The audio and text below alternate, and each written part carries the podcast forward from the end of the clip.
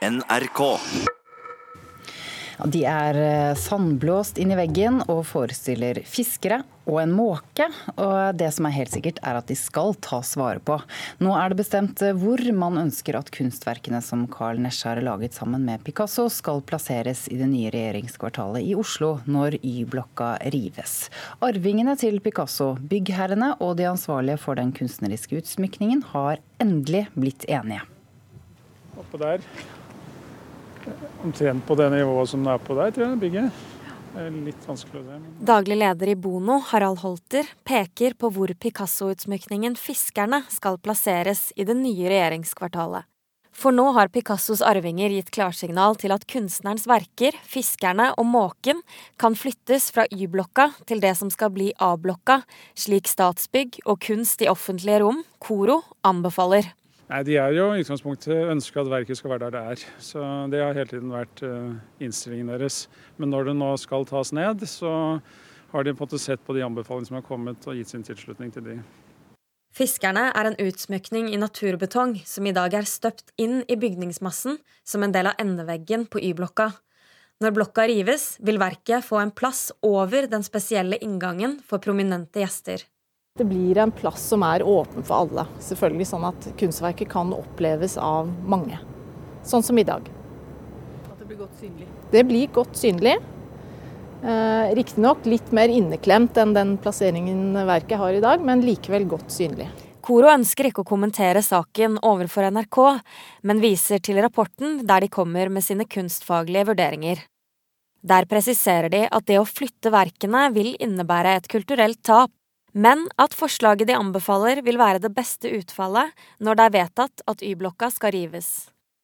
Når denne blokken nå skal rives, tror du Picasso hadde snudd seg i sin grav? det er et godt spørsmål. Sier Kristine Farstavold i Bono. Eh, jeg velger å tro at han ikke hadde gjort det, men at han var fornøyd med eh, den nye plasseringen som disse verkene nå får.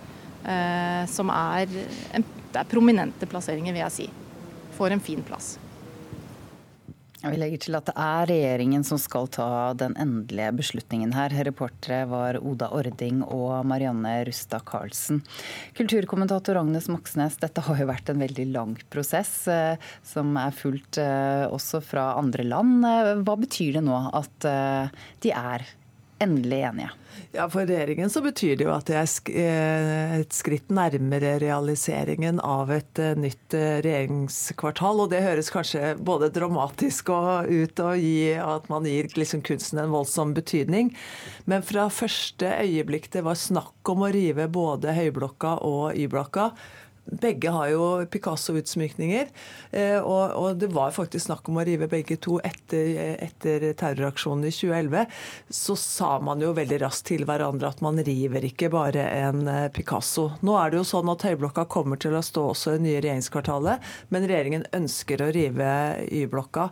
Så hvis man ikke var blitt enige med arvingene, så måtte regjeringen enten ha revet kunsten med bygget, eller la Y-blokka stå sånn som den står i dag. Hvorfor har det vært så vanskelig, dette her? Altså Regjeringen sier jo at eh, det nye regjeringskvartalet skal bli et, eh, et, grønt og åpent eh, område. Men det er jo først og fremst sikkerhet og effektivitet som har styrt prosessen med det nye regjeringskvartalet. Hensynet til kulturminner og bevaring og selve byrommet har på sett og vis kommet liksom haltende litt etter hele veien. Og Derfor så har Picasso og Y-blokka blitt et veldig kraftfullt eh, symbol eh, for da særlig dem som kjemper for en levende by der kunst og arkitektur og, historie spiller en rolle. Det har vel aldri vært snakk om å, å, kaste disse kunstverkene eller ødelegge dem. Hvorfor måtte man spørre arvingene til Picasso? Det handler om opphavsrettigheter. fordi det er staten som eier disse utsmykningene. Og, og de kan skrote dem eh, hvis de hadde ønsket det. Men hvis man skal flytte kunstverkene som er spesiallaget til ett eh, sted, så må eh, rettighetshaverne i dette tilfellet familien Picasso, godkjenne flyttingen. Men så kan man jo spørre seg hvorfor det bare er Picassos arvinger som skal ha et ord med i laget. Og ikke Carl Nesjas F.eks. Mm. Carl Nesjas familie. Fordi at uh, uten det kunstner tette kunstneriske samarbeidet over mange år mellom Picasso og Nesjar, så ville aldri disse utsmykningene noensinne oppstått. Ja, de samarbeidet i 17 år, eh, leste jeg akkurat. Men Y-blokka skal altså rives til høsten. Hva blir egentlig den største risikoen når dette skal flyttes? Jeg tenker at dette blir rene fregattløftet. Fordi at eh, endeveggen der disse fiskerne er, endeveggen av Y-blokka, det er altså 100, over 160 kvadratmeter stort. Det skal skjæres ut en tykkelse på en halv meter, veier over 100 tonn. Eh, og, sånn, og, jeg vil jo tro at dette er Altså, det er jo et komplisert løft. Eh, ikke er det og, under vann heller. Og ikke er det under vann, men det er helt klart at dette bør helst eh, gå bra. Det bør det. Det stormer eh, også eh, fortsatt rundt det nye Munch-museet Lambda. Kulturreporter Øystein Tronsli Drables, du har lest gjennom avisene i dag. Hva skriver de om dette? Det er litt sånn ny dag, nye skandaleoppslag om Munch-malerinnes nye hjem. I dag så er det professor Carl Otto Ellefsen ved Arkitektur- og designhøgskolen i Oslo. Vent litt, Øystein. vet du hva? Det er litt dårlig lyd på deg. Jeg tror du må ta den mikrofonen der. Da prøver vi det. vi har nytt studio, vi. Men vi, vi, begynner om igjen. Vi begynner igjen. Hva skriver avisen om Lambda i dag? I dag så er det professor Carl Otto Ellefsen han eh, er professor ved Arkitektur- og designhøgskolen i Oslo. Han sier til Klassekampen at han syns det er merkelig at Oslo kommune ikke har snakket åpent om denne endringen som har vært av fasadematerialet på museet, som det har gått fra glass til aluminium. Og dette skjedde jo i 2011.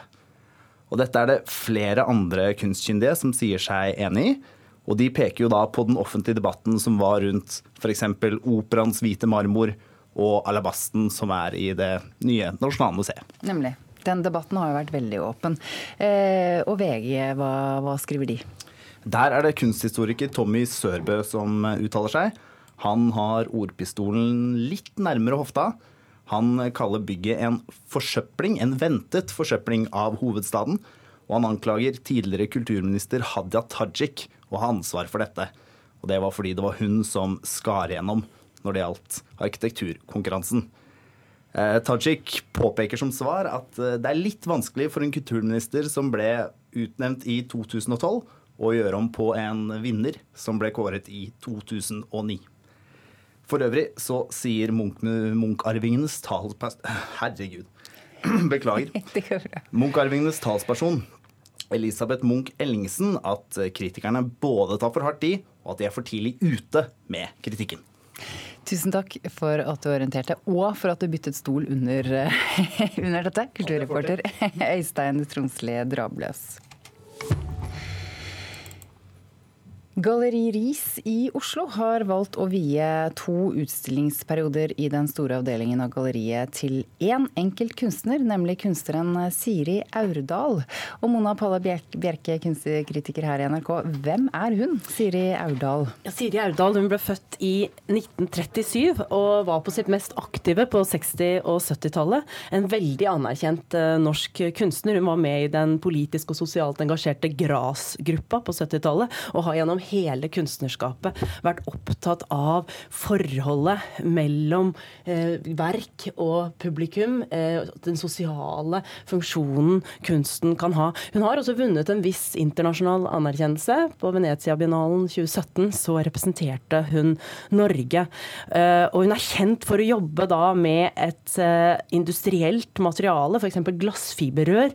Skulpturene er ofte noe hardt og maskinelt over seg. Hun sa jo om denne eh, fantastiske skulpturen som vises i den norske paviljongen i Venezia, at den, var, at den skulle være som en flyvende bølge. Så hun har dette harde, men samtidig noe poetisk. da.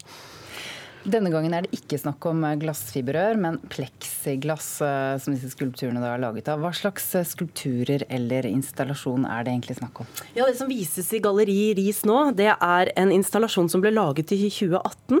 Og den ble vist i fjor i Malmö kunsthall. Det er en installasjon som består av masse renskårne, enkle plexiglassformer som henger fra taket. Det er f.eks. en bølgeform i oransjerosa, et stort rektangel i skinnende prøyserblått, en stor sirkel i den samme oransjefargen. Og når disse elementene overlapper hverandre, så skapes jo nye farger.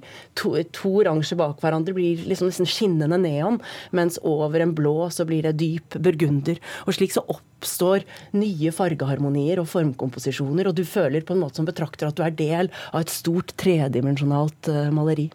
Er dette en slags vegg? Eh, fyller det rommet, eller hvordan, hvordan ja, er det hengt? Det fyller hele gallerirommet, de to rommene som er hoveddelen av galleriet. Og det er jo vanskelig å ikke sneie borti. Det er jo ikke meningen at man skal ta i disse elementene, men det er ikke noe krise hvis man skal sneie borti. Og det er nesten ikke til å unngå heller hvis det er eh, mange mennesker i galleriet. Det er fint at du sier. Ja. men eh, hva er det hun vil, da, med, med disse verkene? Ja, gjennom som abstrakt uttrykk, som abstrakt uttrykk flest, så er det jo ikke sånn et tydbart budskap eller en historie som formidles. Det er et formuttrykk, men selve valget av materialet er i seg selv et sterkt statement. Hun er jo datter av en av våre aller største vevkunstnere, Synnøve Anker Aurdal. Og hun bryter seg fri fra tekstilarven, som den gang og i dag også kanskje forbindes med noe feminint, og går inn i dette maskinelle, industrielle uttrykket og albuer seg vei på det som ble betraktet som en, mas en maskulin estetikk. Da. Eh, og også det at hun jobber så monumentalt. Så det her ligger et budskap også i selve valg av eh, materiale, som er ganske kraftfullt. Når jeg ser på kroppsspråket ditt her nå, så har jeg en følelse av at dette er en utstilling du anbefaler? Ja, dette er et sånn vitalt et løft av en utstilling. Hvis man føler seg litt vasstrukken og litt sånn forfrossen etter en lang vinter, så er det bare å gå og være en del av denne tredimensjonale, dette tredimensjonale maleriet en liten stund, så skal man nok få mer energi. Godt å høre. ja. Utstillingen vises på Galleri Ris, altså i hovedstaden, frem til 27. april.